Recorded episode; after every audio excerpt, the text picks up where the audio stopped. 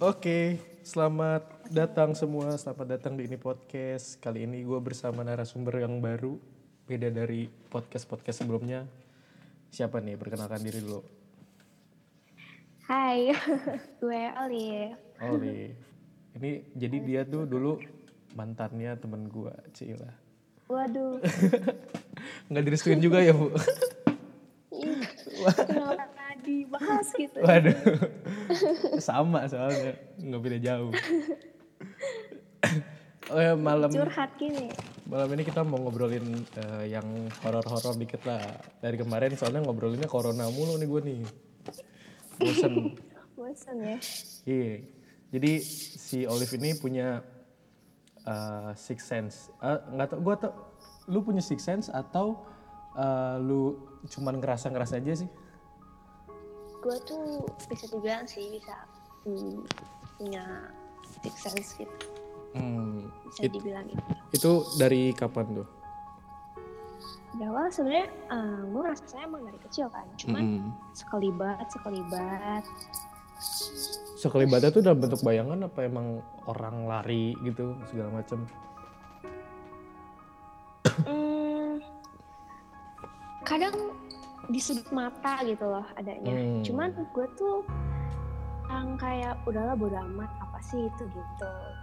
Lebih Hmm. ke bodo amat banget gitu. Soalnya kan dia juga nggak ganggu gue kan. Jadi gue kayak biasa-biasa aja gitu. Tapi kabarnya setelah gue lihat di Twitter lu, lu semakin aktif ya sekarang. Semenjak em, sebenarnya semenjak SMP kali ya. Ah, ada kejadian apa tuh di SMP? Kalau SMP tuh kan ya biasa lah. eh, gue tuh kan di RP kan sekolah. Mm-mm. di lu tau RP lah bangunan lama terus Iya, kayak serem SD-nya apalagi lebih serem kan Iya terus SD. di SMP-nya tuh juga lumayan serem tapi di eh, paling atas itu kejadiannya jadi gue lagi kalau nggak salah di ini ya lagi di lab gitu kan di Mm-mm. paling atas tuh Mm-mm. itu kan tempat yang emang bener-bener jarang dikunjungi orang kan paling cuma ya kayak anak-anak kalau mau ke lab sama ke ruang komputer itu doang Itu posisinya di ujung ya? iya yang di ujung situ ah. nah terus itu kan kamar mandinya juga kayak jarang banget orang pakai kamar mandi situ kan Hmm. jadi gue waktu itu lagi iseng nih sama teman-teman gue Eh, kita dari lab mau ke toilet kan biasa Mm-mm. terus di toilet tuh em, kecil kayak biasa lah gitu nggak yang terlalu gede toiletnya Eh, atasnya tuh bolong jadi kayak kelihatan gitu ke ininya atap-atapnya tuh kelihatan gitu Oh jadi lotengnya nggak ada, apa bukan loteng, apa namanya? Atasnya atapnya gitu nggak ada, langsung ke loteng gitu. Bolong semua Oh, apa cuman beberapa doang yang bolong?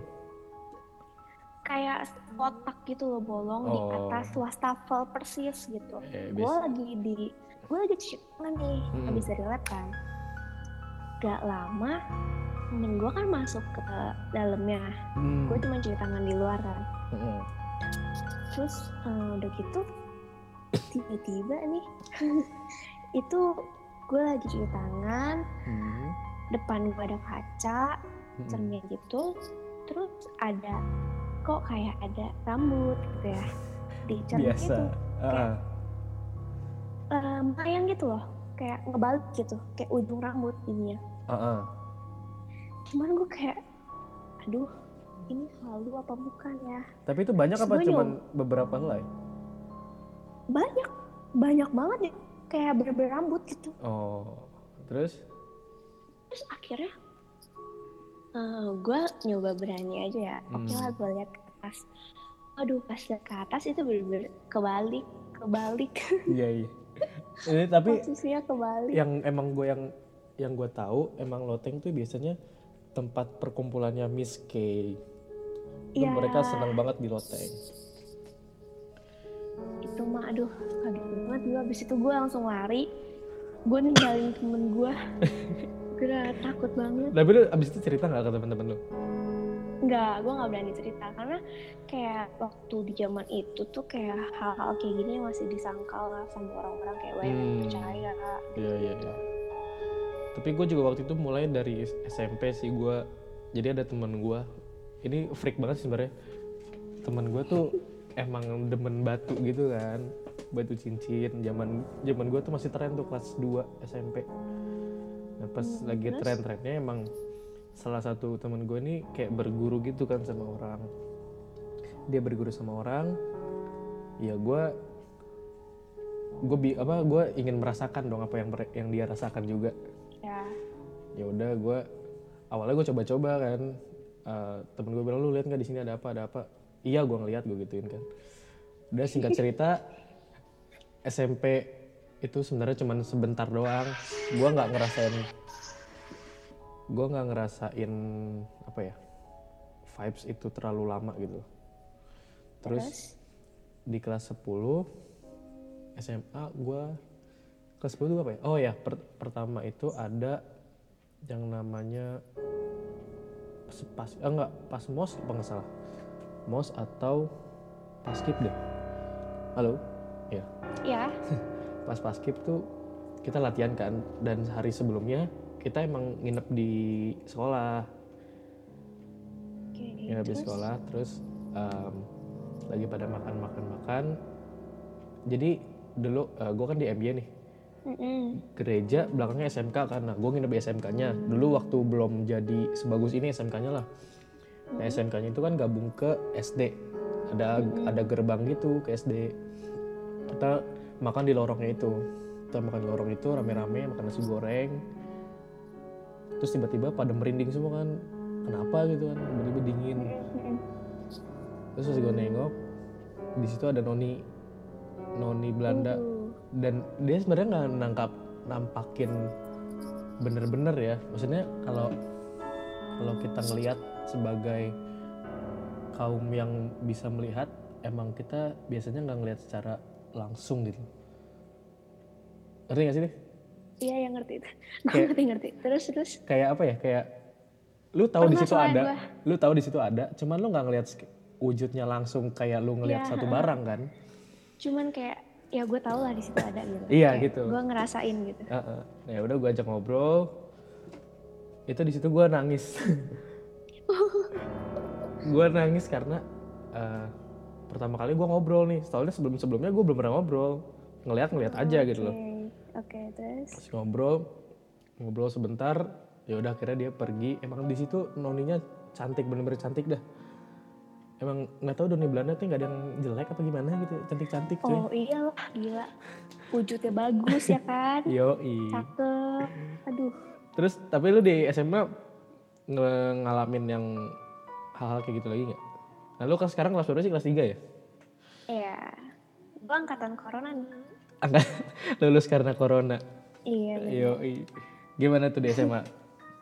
Kalau di SMA sih sebenarnya em, jadi gue ada gue tuh s- waktu itu sempat ngurusin DBL. Lu? Gue ya gue Ah. koordinator yang DBL sekolah gue tuh Mm. ng- ngewakilin Bogor waktu itu. Hmm.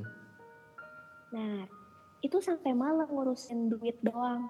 Iya. Jadi dari pagi sampai malam gue di situ posisinya eh, kita cuma dikasih lampu di Selasar lu bayangin aja. Hmm. semua udah matiin sama satpam bilangnya "Hmm, ya karena ini udah malam terus takut ganggu kapel suster Hmm. gitu Iya. ini semua dimatiin kita dikasih lampu di selasar doang belum beres tuh terus Hmm. gua lu tau kan itu eh, di RP tuh SMA-nya ada aula SMA nih Hmm. Aula. Heeh, yang di dalam itu yang Iya. di indoor Ah. ah itu dimatiin yok bener-bener gelap banget gelap sampai lu kayak nggak bisa lihat apa-apa gitu sama ah. motornya. And then? jadi lagi asik-asik nih gue lagi asik-asik ngitung duit sama itu padahal ramean ya ramean Itu berapa orang kira-kira? sekitar tujuh orang masih ada di situ gitu. Ah, oke. Terus eh, gue kayak ng- ngeliat gitu lah ke arah si aula ini gitu Hmm. gue lihat itu gelap semua tapi kok ada putih ya kok putih gitu Tinggi ya? gue oh iya terus gue liatin terus kayak itu apa ya makin lama makin mendekat mendekat terus gue Hmm. kira lepas kontaknya tuh jadi gue nggak ngeliat lagi gitu gue Hmm. fokus ngitung duit ngitung duit akhirnya pas gue nengok ke situ lagi nggak ada tapi gue tahu gitu dia masih ada di area situ Hmm. Itu sih paling. kayak basic-basic gitu-gitu aja nggak yang gimana-gimana Tapi pengalaman lu terserem dan nggak terserem deh. Yang lu merasa lu paling hebat banget nih lu bisa ngelakuin kayak gini. Itu kira-kira apa? Em, oh yang merasa gue hebat banget tuh jadi ini kocak sih ceritanya Gimana gimana? tuh punya punya teman kecil kan Lu? iya ada Ah, ah. Eh, namanya Peter Peter. iya Eh, sejenis apa ya anak kecil masih kayak hmm, Ini Peter yang di. Bandung apa Peter yang di Peter iya kan orang-orang tuh kayak nanya jangan-jangan ini yang Risa Saraswati gitu Soalnya gue juga "Enggak, pernah enggak, ketemu sama enggak, Peter bukan, mereka. bukan." Gimana gimana? namanya sama Mm-mm. udah gitu emang asalnya dari sana juga gitu Hmm. emang emang namanya penas apa sih pasaran kali ya Peter, Iya. Peter. Terus? nah eh, jadi gue tuh punya temen kecil ini dia salah dia emang asalnya dari sana Hmm. ngomongnya tuh logat Indonya emang susah kan ngomongnya kayak masih susah lah gitu logatnya beda Hmm. sama kita Iya iya. nah terus suatu saat eh, temen-temen gua Hmm.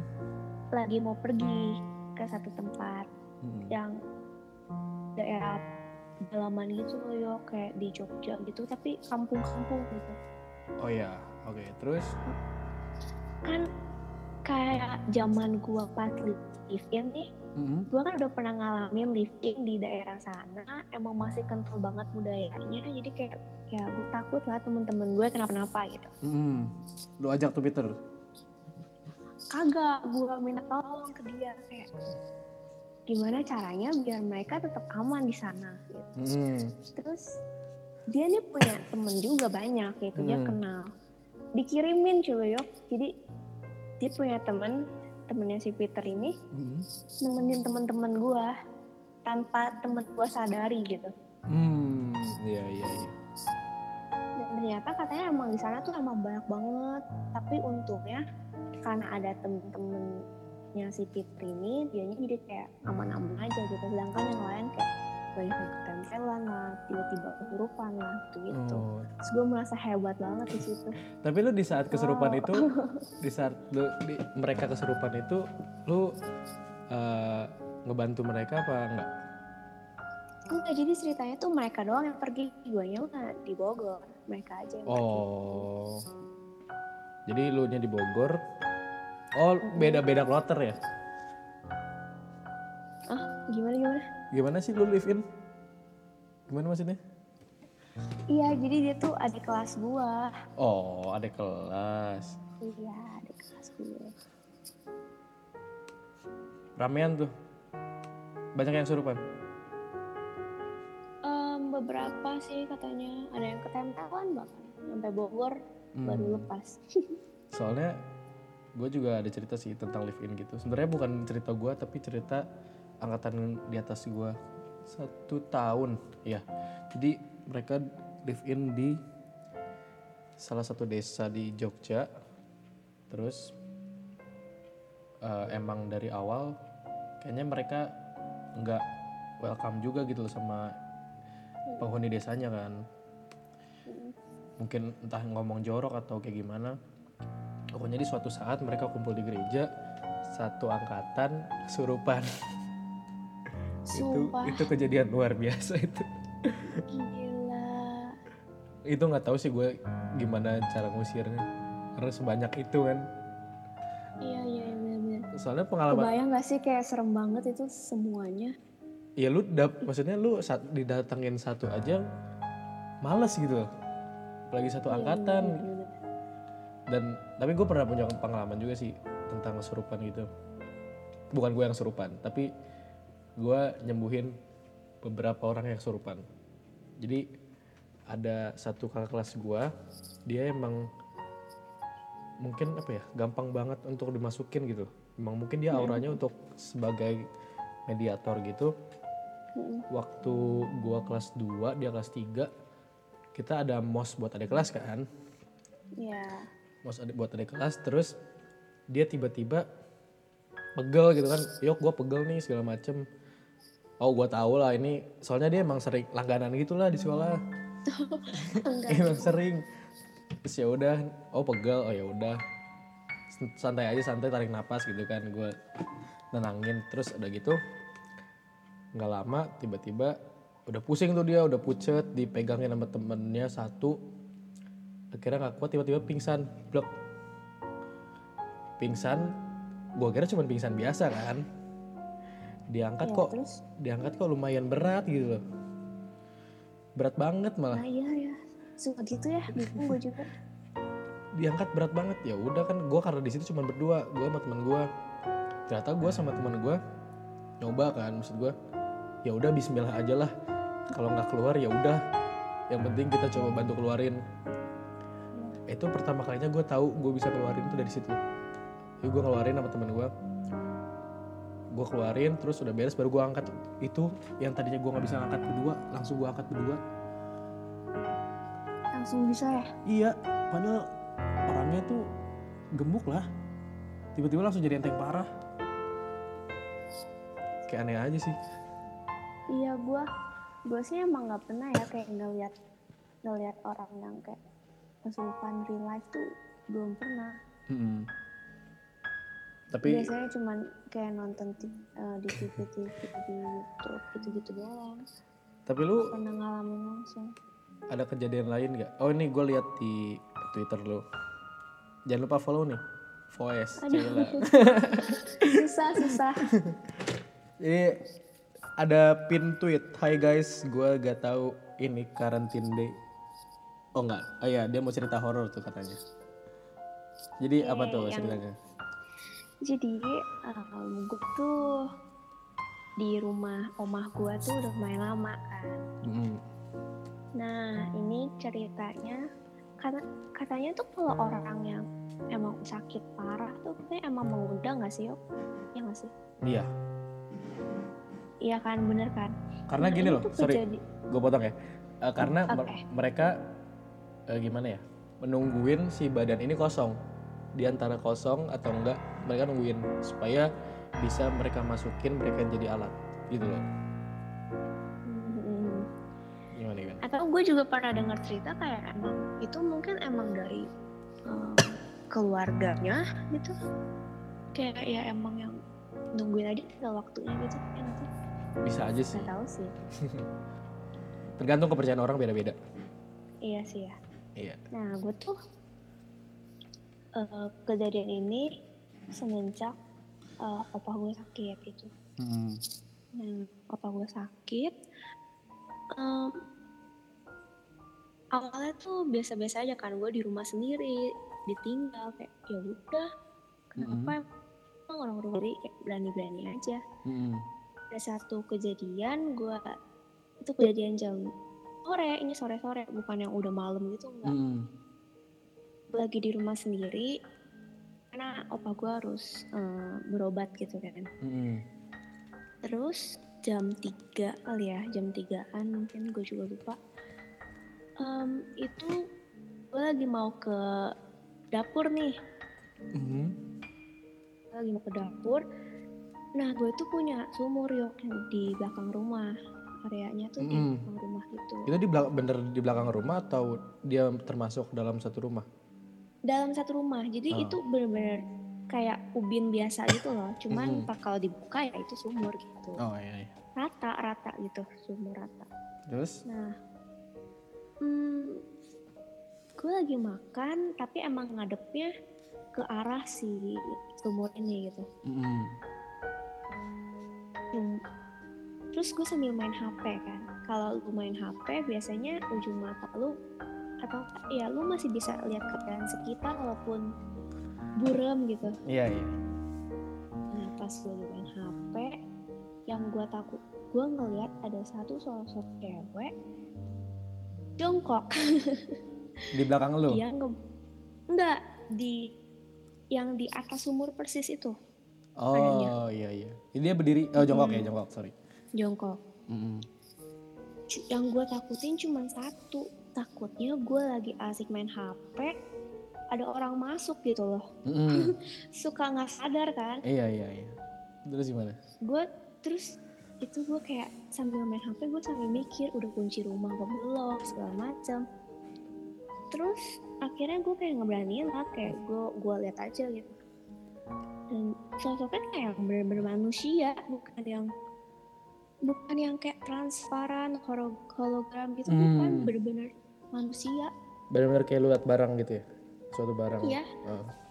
kayak padat aja gitu kayak orang aja gimana sih nah terus eh, diliatin makin lama dia semakin muter ke arah kiri dan cuma setengah kelihatannya Muter tuh nampakin muterin badan gitu. Mm, muterin Oh, iya. badan dia nengok ke kiri gitu Mm-mm. sama, sama badan-badannya dia nengok Mm-mm. tapi cuma katanya setengah muka dong artinya sisi kirinya doang sisi kiri dia Iya. diliatin sama gue kayak kenapa nih cuman pas emang lihat mukanya emang ada darahnya gitu Oh. di bagian pelipisnya terus bajunya pun udah kotor terus basah Hmm. Kayak- basah gitu kayak kecebur Ya mungkin emang dari si sumur itu kali ya? iya iya bisa jadi sih emang mungkin aja tinggalnya emang di situ kita nggak tahu Iya, tapi lu coba komunikasi ke dia nggak? beberapa kali ya gue sempet kayak nanya gitu Heeh. Sempet tanya, gimana? tapi emang tapi emang kayak tempatnya mungkin emang di situ dia kayak gue nanya kan kayak ngapain di Hmm. sini dia bilang emang udah lama dari sebelum rumah ini jadi dari masih tanah kosong pun dia udah di sini Hmm, tapi dia minta pertolongan atau something nggak? biasa ya kalau emang yang kayak gitu-gituan mas selalu berarti selalu minta tolong selalu Iya. Soalnya biasanya matinya mereka nggak wajar kan, makanya mereka Iya. tolong. Gitu. apalagi kalau Miss K itu aduh itu mah Miss Kay gue nggak pernah nolongin. itu mah populasi terbanyak kayaknya ya itu kalau gue ketemu Miss Kay biasanya gue kalau nggak gue bakar gue suruh pindah. kayak aduh nyebelin banget gak sih aduh iya, tapi lebih serem lagi. Lu udah pernah ketemu pocong belum? ih jijik banget nggak suka Itu lebih kampret lagi, mukanya nggak jelas kan. Wih sempet gua ketemu nih ya. Itu mah bukan ketemu sih emang di seberang rumah gua tuh emang ada kan nih kebun. Mm-mm. ada pohon pisang. Eh dia ngumpet dong di situ. Gila. Dia tuh emang nggak kelihatan gitu kan, cuman kan kalau dia ngeliatin mukanya gosong darah gi- gimana sih? hitam yok gila. Iya, hitam. kaget banget. Gosong gitu. Aduh jijik banget. Ih. Tapi kalau ada yang mana apa namanya kalau misalnya mereka punya ini yang gue tahu sih kalau mereka punya kekuatan lebih tinggi biasanya matanya merah gitu gak sih? Iya iya iya iya iya iya pertama pertama gue pernah lihat. Gila serem banget. Terus jadi tuh badannya kayak aduh lembek. Iya. Aduh jijik banget. Oke. Ya gimana gimana? Halo sorry sorry sorry. Iya slow gimana gimana kalau yang merah itu ya? Iya. Eh lebih kayak hmm, di jalan terus kayak nyelakain orang gak sih? Gue sih ngeliatnya gitu ya. Kadang suka ganggu. Jujur gue belum pernah eh pernah ketemu yang merah tuh kan jarang banget kayak sekali dua kali gitu. Emang langka. Iya. Emang gak yang kayak biasanya tapi emang yang merah emang biasanya mereka di tikungan jalan bikin orang celaka segala macam iya iya bener-bener ganggunya emang lebih parah sih Mm-mm. Nanti Nah. selain itu lu ada nggak selain Miss K, Pocong dan kawan-kawannya? Kayak misalnya lu pernah ketemu apa sih buto ijo, apa Wah itu genderuwo? gue gue belum pernah belum pernah belum pernah lihat. belum pernah tapi sosok yang tinggi besar hitam Nah itu ada sama adanya tuh di kebun rumah gua di depan di itu seberang. Mm. Jadi ceritanya tuh kayak hmm, gue waktu itu lagi di situ lagi bersih bersih Mm-mm. bareng keluarga gua. Terus si dia ini Mm. ngomel kayak kenapa dibersihin segala macam ini kan wilayah saya pokoknya intinya gitu ya tapi dia dalam Oh. bahasa Sunda iya iya iya. terus gue kayak ngomel balik lah kenapa orang ini lahan gue juga gitu maksudnya itu kan eh, garasi gue Heeh. tapi kayak bisa dibilang kalau yang kayak gitu tuh lebih kayak eh, lebih tinggi ya derajatnya dibanding yang miskin gitu-gitu lebih kuat sih. Ya Heeh. lebih dihormati juga cuman iya. wujudnya aja yang emang kayak aduh. Se- be- tapi gue nggak pernah berani maksudnya nggak pernah berani ngelawan mereka sih. Belum pernah. Gue tapi ya gue jadi waktu itu gue ngomong kayak gitu akhirnya dia kayak ngeh juga oh iya ya maksudnya kayak emang beda alam gitu oh. akhirnya ngeh juga gitu. Tapi lu pernah apa merasakan pertempuran atau gimana ya? Lu pernah diganggu secara fisik nggak sama mereka? Kayak disentuh gitu gitu atau? Iya disentuh entah barangnya gerak sendiri pindah. Kalau di rumah itu nggak pernah. Mm-mm. tapi kejadiannya selalu di luar rumah gitu. Hmm, berarti rumah lu harusnya clear dong. Harusnya ya mungkin. Ya mungkin ada beberapa penjaga yang memprotek lu dari yang usil-usil itu. Mm, bisa jadi. Cuman kalau emang ketempel terus nggak kena sensor nggak kelihatan bisa aja. Tapi biasanya ya yang gue tahu mereka pasti menetralisir setiap lu masuk ke bagian rumah lu. Jadi oh gitu udah pasti ditolak Keren biasanya deh. gitu. Ada suatu pembatas. Tapi gue tapi punya yang gue bingung gimana gimana? yang gue bingung ya kayak gue itu kan ke villa serem ah. serem banget ini mah serem banget duh amit amit itu kayak yang vi- villa yang kita cari itu bukan itu Nah. gak sih jadi kayak kita diarahinnya ke villa namanya tuh sama iya. misalkan villa apa kita search searchingnya Hmm. di situ muter-muter udah tiga kali gak ketemu diarahinnya ke hutan terus dan emang gitu ada pelang kecil emang arahnya ke situ tapi mobil nggak masuk kayak nggak logis gak sih Mm.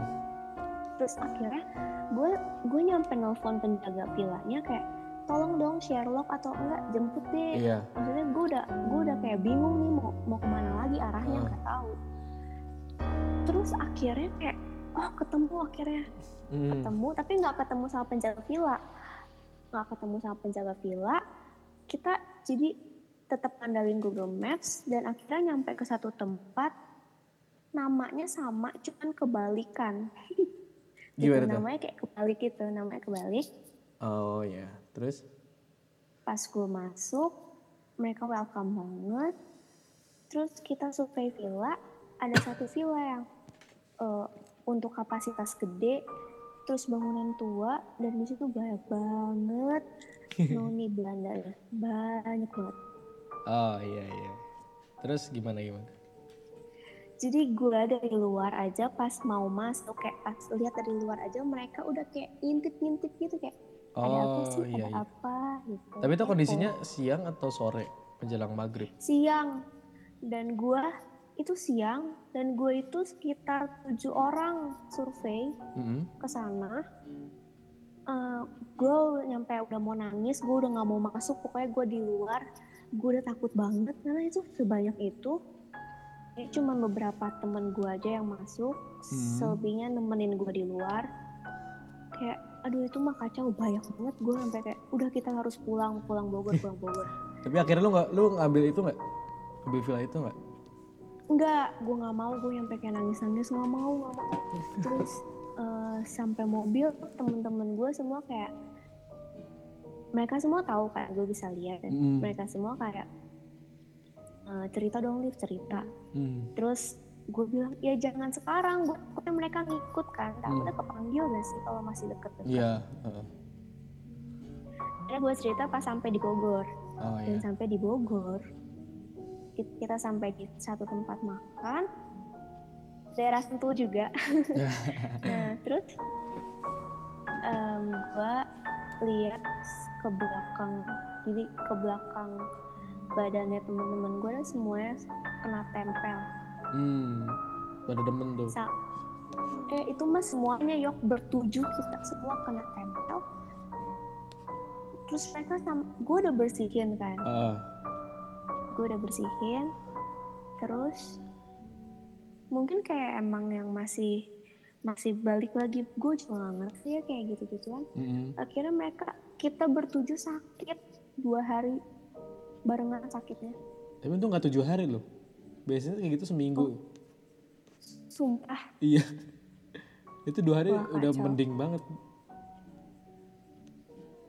gue tuh nggak bisa ngeliat eh, kalau diri gue sendiri gitu loh yang ketempel gak tau. Iya, lu pasti nggak ngeliat, cuman pasti lu merasakan ada eh, gimana ya? Pasti ada rada panas atau berat, pasti gitu. Atau pusing. iya ya.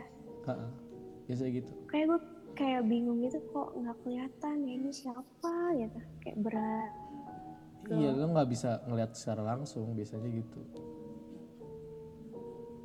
Ya pasti kalau misalnya lu punya uh, six sense, pasti udah ada yang ngecover lu lebih besar lagi gitu loh.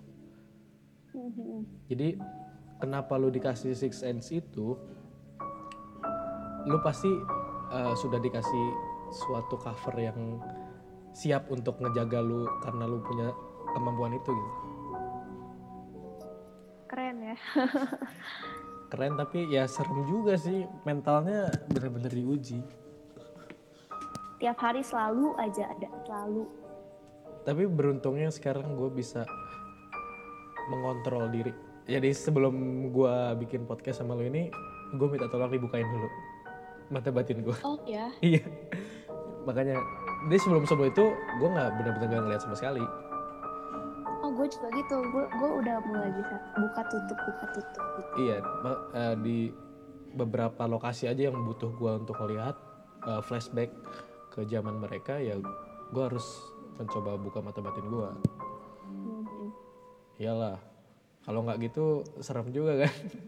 Capek banget. Capek. Lu lagi tidur aja bisa bisa nggak tidur lu seharian ya eh tapi gue pernah yang paling parah tuh karena gue ngekos di Bandung sekarang karena lagi corona enggak gue Hmm. sering banget diketok lemari gue itu benar-benar ketoknya kenceng liv sumpah. Sumpah diketoknya kenceng banget.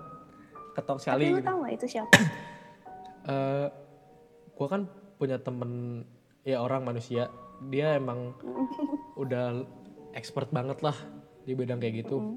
Gue tanya "Eh, ke- kenapa sih diketok mulu? Gitu kan. Karena gue biasanya lihat mereka yang di dalam bis itu bukan di dalam sorry bukan di lemari di kamar gue itu emang beberapa ada yang lewat terus ada yang besar lewat juga. Terus yang sering tuh ada Miss K juga di situ. Cuman yang gue bingung kenapa di lemari dia ngetoknya gitu loh. Bingung kan gue ini gue konsultasi sama dia gimana ternyata lemari gue itu akses mereka keluar masuk. Waduh. Itu yang serem sih. Cuman gue apa ya gue minta saran juga ke dia kan ini gimana segala macem? Eh, dia mau coba nutup tapi emang susah kan untuk nutup portal itu. Yaudah akhirnya dia bilang "Eh, lu coba bakar dupa lu doa buat mereka. Ya akhirnya sudah mengurangi sih. Cuman kalau mereka emang sedang berkumpul di satu lemari itu pasti mereka ngetok. Dan itu ngetoknya biasanya cuma sekali. Kalau misalnya mereka cuma sebentar sekali. Cuman kalau misalnya lama nih tok. Tiga kali dah sampai tiga kali. Itu bener-bener berasa banget. Itu kayak ngasih sign kali ya kayak oh gue nih lagi lewat. Mungkin sih tapi yang gue rasa di satu kamar gue gue nggak merasa sesak sama sekali. Oh iya. soalnya biasanya kan orang kalau misalnya dihadapin situasi kayak gitu kamarnya pasti panas sesak gitu loh kan. Mm-mm. tapi ini enggak sih. Kayaknya emang mereka di lemari doang gitu. Mungkin juga emang emang positif kali yok. Yang negatif negatif gitu. bisa jadi sih. Cuman kan ya serem aja sih lip. Gue lagi Iya iya malam-malam. benar-benar. udah mau tidur kan? Diketok. Tapi lu pernah punya pengalaman ini gak sih? Kayak ketindihan ini yang paling sering orang nanya kan ketindihan tuh gimana sih rasanya Iya, sering banget gue dikasih pertanyaan kayak gitu, terus sering banget. Nah, yang satu lagi nih, mereka sering banget kayak, Liv, tolong bukain mata batin. ya ampun. itu paling berat tuh berarti gue. gue tuh kayak paling males banget kalau udah kayak gitu kayak aduh lu nyoba-nyoba ya makanya gue sekarang untuk menjawab penasaran mereka gue sekarang sering gambarkan di second gue Mm, itu ya setidaknya mereka tau lah kayak gitu. Supaya mereka nggak usah buka mata batin ribet. Jangan dah. Bener-bener kalau mental nggak kuat takutnya nggak bisa ketutup lagi gue mah gitu aja. Iya kan kita kan juga punya tanggung jawab moral. Iya bener-bener tapi gimana tuh tentang apa namanya ketindihan? Kalau yang ketindihan sih sampai sekarang puji Tuhan banget. Belum pernah. Oh belum pernah. Gue kayak aduh jangan. Jangan sampai lah sama gue tapi yang lain pernah nggak? Atau belum mimpi besoknya kejadian deja vu gitu? Kalau deja vu sering banget. Kalau ketindihan itu mama gue pernah. Mm-mm. ya. Kayak cuman gue sih nggak ngelihat sosoknya ya kayak nggak kelihatan kayak burung tapi kelihatan eh, wujud apa sih gimana ya burung aja gitu burung tapi tahu gitu kayak. Hmm, iya iya. Tapi gue juga pernah gitu. Gue gue di satu titik gue lagi capek banget kan. Gue ngerasain emang ada yang bakal nindihin gue nih. Terus gue relain setengah badan gue, setengah badan gue gue relain dia ditindih sama dia. Dan tuh gue mau dicekek sama dia gitu, sama sosok tinggi besar, hitam berbulu. Ya mungkin itu sosok genderuwo ya gue nggak tahu. Cuman gue kayak mau dicekek gitu. serem banget sih itu terus gimana Terus akhirnya ya udah gue karena gue cuma relain setengah ya udah setengahnya gue bisa ngelawan mereka gitu tapi ya ke- kejadian yang menurut lu paling parah apa Liv? Apa ya? Em, so far sih mereka nggak nggak soalnya gue juga maksudnya gue nggak ganggu ya mereka nggak ganggu gitu. Cuman kan Hmm, tetap aja ya ada yang kayak iseng-iseng ada yang nyobain lakain itu banyak banget. Hmm, tapi mungkin lu juga nggak nggak kepo banget gitu ya? Sebenarnya mencoba untuk nggak bodo amat karena takut gue tuh takut banget gue tuh orangnya kepoan banget. Jadi kalau misalnya gue ada satu sosok di suatu tempat yang jelas bukan tempat yang gue kenal ya pasti gue tanya sejarahnya gimana lu bisa di sini kenapa gitu. Pasti gue tanya. Dan gue nggak berani sendiri. Ya tetap ada eh, teman pasti. itu kok kalau sendiri. Iya lah. Udah kayak uji nyali itu gak sih?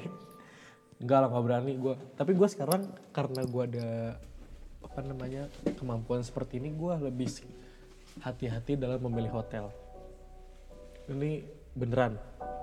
Jadi gue nggak sembarang milih hotel gimana sekarang. gimana? Kalau misalnya gue masuk hotel suasana udah nggak enak terus gue coba lihat ke kamarnya atau gimana gitu Mm-mm. udah ngerasa nggak enak pasti gue cancel. Gue cari hotel yang lebih mending walaupun dia harganya sama tapi yang satu lebih jelek pasti gue nyarinya yang auranya beda gitu. Soalnya emang kalau hotel kan ya serem juga sih. Ya tempat Hotel. tempat maksiat juga kan. Oh benar-benar jadi ya kita harus sebagai yang punya kayak gitu harus milih-milih lah. Iya bener. Gunain kemampuan itu ya. Tapi lu punya saran nggak buat teman-teman yang kepo banget nih tentang dunia seperti ini? Um, ya gue sih nggak memaksakan orang untuk percaya yang kayak ginian gitu ya. Hmm. Kayak gue cerita terus mereka anggapnya kayak ah lu mah bohong lu mah halu bla bla bla. Kayak ya udah nggak apa-apa. Hmm, Tapi yang penting tuh lu harus tahu kayak kita hidupnya berdampingan sama mereka. betul. Dan jangan lupa saling toleransi sama mereka. Iya, karena mau gimana pun juga ya kita hidup barengan cuma beda alam aja, beda dimensi gitu loh. Iya bener. Ya udah sih. Paling itu Sama aja. jangan kepo. Iya bener. Kalau kepo jadinya gitu deh. Rasain aja Iya, sendiri. apalagi kayak lu kepo nih. Terus lu tuh emang orangnya penakut. Jadi kayak parnoan gitu loh. Kayak juga jadi males jadinya. Itu justru lebih bahaya loh. Iya ya. Lu lu kepo tapi lu parnoan banget. Untuk apa lu kepo gitu? Iya makanya. Tapi dia penasaran gitu orangnya. iya tapi kalau dikasih tahu wujudnya tuh dia nggak nggak percaya gitu ya. Selain itu orang. Bener-bener. Jadi ya sekian lah podcast hari ini. Iya iya. Mungkin segitu udah cukup untuk mewakili eh, perasaan kami berdua tentang persik sense-an. Iya iyalah. Oke, sampai Iya, iya. sampai berjumpa di lain podcast. Dadah.